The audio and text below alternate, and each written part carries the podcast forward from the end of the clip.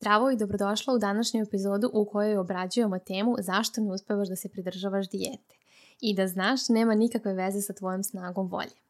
Ako si ti neko ko je bio na raznoraznim dijetama, vrlo je vjerovatno da nisi uspevala da se pridržavaš jedne, pa si pokušavala sa raznim drugim dijetama. Činjenica je da su sve dijete tako i koncipirane, to je da se ne mogu primjenjivati kroz dugi vremenski period. Ali mi svi, iako to negde znamo, ipak i dalje sebe okrivljujemo što ne uspevamo da se duži vremenski period pridržavamo. Prođe nam kroz misli da je možda sama dijeta previše rigorozna, ali nekako ipak na kraju mislimo da mi nismo karakteri, da smo suštinski sami krivi jer iste ne možemo da se pridržavamo. E sada želim da zamisliš scenu.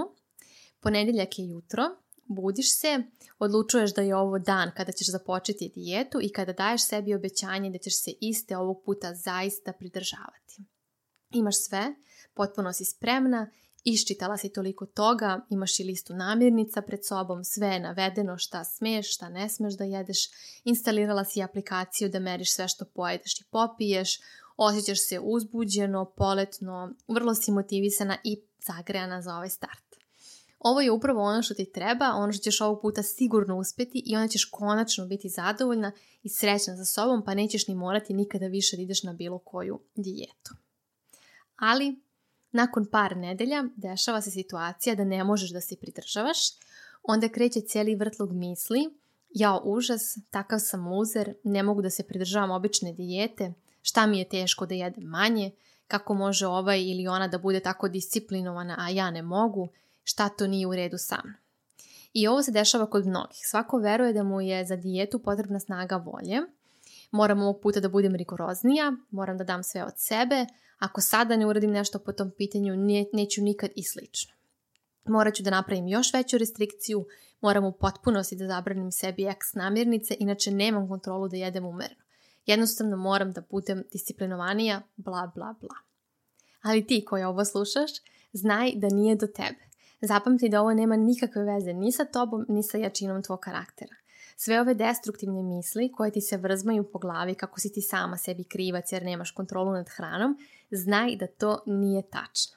S tim u vezi, sada je i pravi trenutak da razjasnimo zašto ne uspevaš da se pridržavaš dijete. Šta je to tačno što se događa da svi nekako posustanemo. Do kraja ove epizode ću te uveriti da je sa tobom sve u redu i da nema potrebe da sebi namećeš bilo kakav osjećaj krivice, posebno kada je hrana u pitanju. Prva bitna stvar, razlog zašto ne možeš da istraješ ni sa jednom dijetom ali samo da napomenem, kada kažem dijeta, mislim na restriktivne dijete, dijete koje naložu da jedete samo određene grupe namirnica, dijete koje zabranjuju određene namirnice, dijete koje vas uslovljavaju da jedete u određenim zadatim vremenskim intervalima ili uopšteno dijete koje vam nameću neka određena striktna pravila u vezi sa hranjenjem. Dakle, razlog broj 1 je da si jednostavno gladna najčešći i najverovatniji razlog od, od, od, ustupanja od neke dijete je taj što ste hronično gladni glad, kako kultura dijeta nalaže, je sasvim ok da se ignoriše. To je nešto na što ne treba da obraćate pažnju i to je nešto što treba utišati, ali svakojakim tehnikama, samo ne jednom najadekvatnijom, a to je da jedete hranu.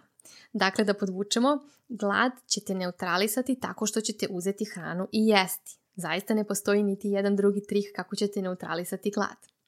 A recimo kada nam telo šalje signale za drugim stvarima poput – kada vam se piški, idete u toalet. Kada ste žedni, uzimate vodu i pijete. Kada ste umorni, ležete da odmorite. Ali kada ste gladni, to doživljavate kao slabost. Kako sam ja stalno gladna i zašto uopšte ovu glad i osjećam?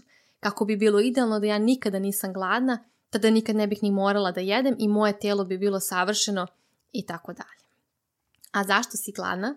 Zato što telo ne dobija dovoljno svega što mu je potrebno. Jer najčešće te dijete isključuju namirnice ili cijele grupe namirnica, pa tako i onda i tvoje telo uskraćeno za određenim nutrijentima koji se nalaze u tim namirnicama.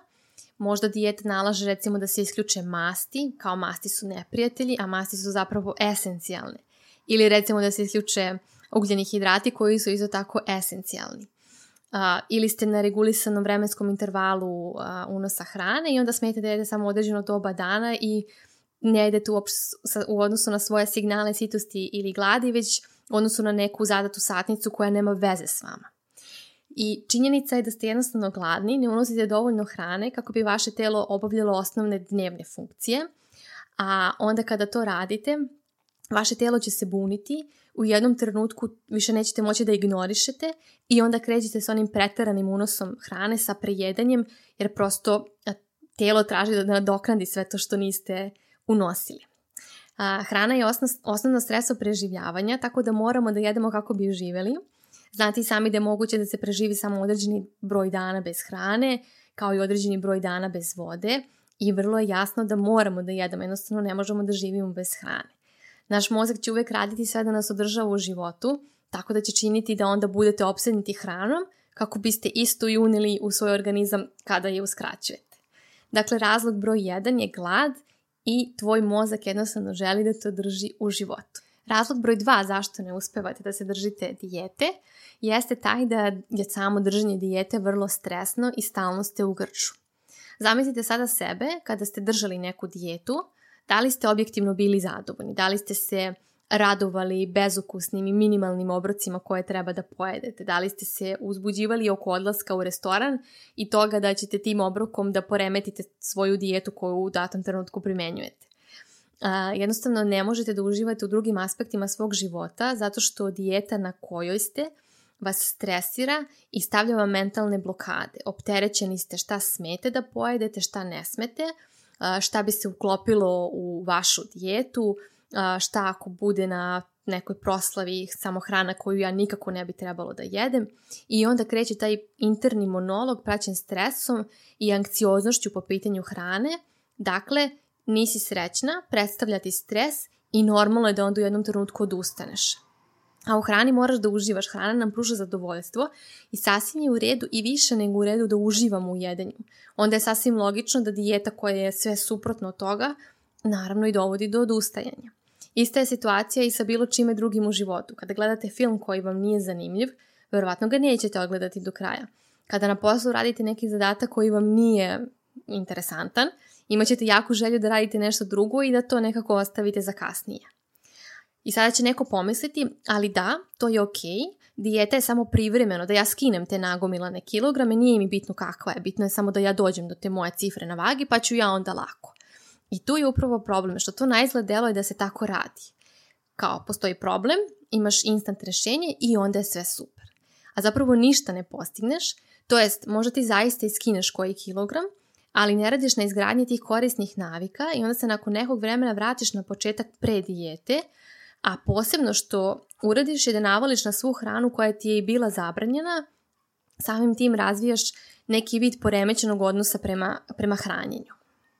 I razlog broj tri koji je povezan sa prethodna dva, recimo kada ste gladni, posebno kada to traje danima, to će i tekako da utiče na raspoloženje i tu postoji vrlo jaka veza između gladi i lošeg raspoloženja. Hormoni sreće se ne uče, vrlo jasno da ćete onda posezati za hranom koja vam daje taj udarac dopamina i to će sumnju uvijek biti nešto slatko i onda ćete biti još više pod stresom jer sebi nabijati krivicu što to uopšte i jedete.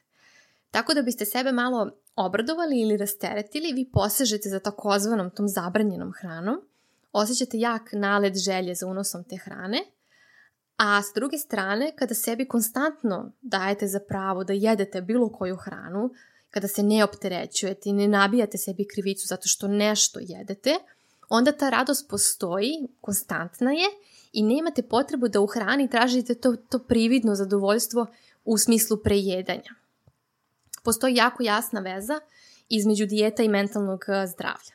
Dugoročni efekt dijeta je povećanje telesne mase i upravo ono što svi žele zapravo da izbjegnu, e, time što će se pridržavati određene dijete, e, dobija se efekt povećanja kilaže kao jedan od dugoročnih rezultata. Isfrustriranu sebe, izgladnelu, očajnu više od svega što si isprobavala, a na kraju stalno sa osjećajem viška kilograma dijeta ti upravo daje ono što želiš da izbjegneš, a to je povećanje telesne mase. Dakle, ono čemu treba da težiš jeste velika raznovrsnost u ishrani i dati sebi dozvolu da jedeš i takozvanu zabranjenu hranu. Svakako ćeš se osjetiti mnogo bolje i zadovoljnije u svom telu i pre svega u balansu sa hranom, a samim tim i sa samom sobom. I posljednji razlog, to jest posljednji razlog koji ću navesti u ovoj epizodi, zašto ne uspeš da se pridržavaš dijeta, je taj da ono što pokušavaš da postigneš dijetom je mršavljenje, a mršavljenje nije samo do hrane. A dijete vas uče, premda ovaj termin nije prikladan da vas uče, više mogu da kažem zavaravaju vas, da je sve što je potrebno samo da jedete manje i mršavost je onda zagarantovana. A to zapravo uopšte nije tako jednostavno. Dijete vam ne pokazuju onu drugu stranu, a to je da je mnogo faktora uključeno kako biste postigli održivo stanje vaše telesne mase i restriktivno jedenje nikako nije rješenje. I onda se tu nadovezuje ono tipično, ako jedem više, ja sam luzer, ne mogu da se pridržavam ničega, kod mene jedino radi e, ovaj princip ili jesam ili nisam na dijeti i slično. I razlog zbog kog dolazi do neželjenog povećanja telesne mase je iz milion drugih razloga koji uopšte nemaju veze sa samom hranom u smislu da određena namirnica više ili manje goji. Problem je dakle u tom odnosu prema, prema ishrani. Kada sredite odnos prema ishrani, vidjet ćete da će i sama telesna masa biti stabilna i na optimalnom nivou, gdje se osjećate zadovoljno, zdravi i neisfrustrirani po pitanju hrane. I da podvučemo za kraj, držanje dijete uzrokuju fizički i emotivni stres u našim tijelima, što dovodi do povećanja hormona stresa i cijeli set odbrbenih reakcija organizma od fizičkog i mentalnog gladovanja. Tako da koliko god verovali da je do snage, volje i jačine karaktera, nije ni malo. Ako me prvi put upoznajete ovdje putem podcasta, želim da vas pozovem da pogledate i moj sadržaj na drugim platformama – možete kucati u pretraživaču kao Nada Fogt i izaći će vam moji profili. I isto tako vas pozivam da mi slobodno pišete na nada svoje ideje i predloge za teme koje vas interesuju i o kojima biste voljeli da govorim.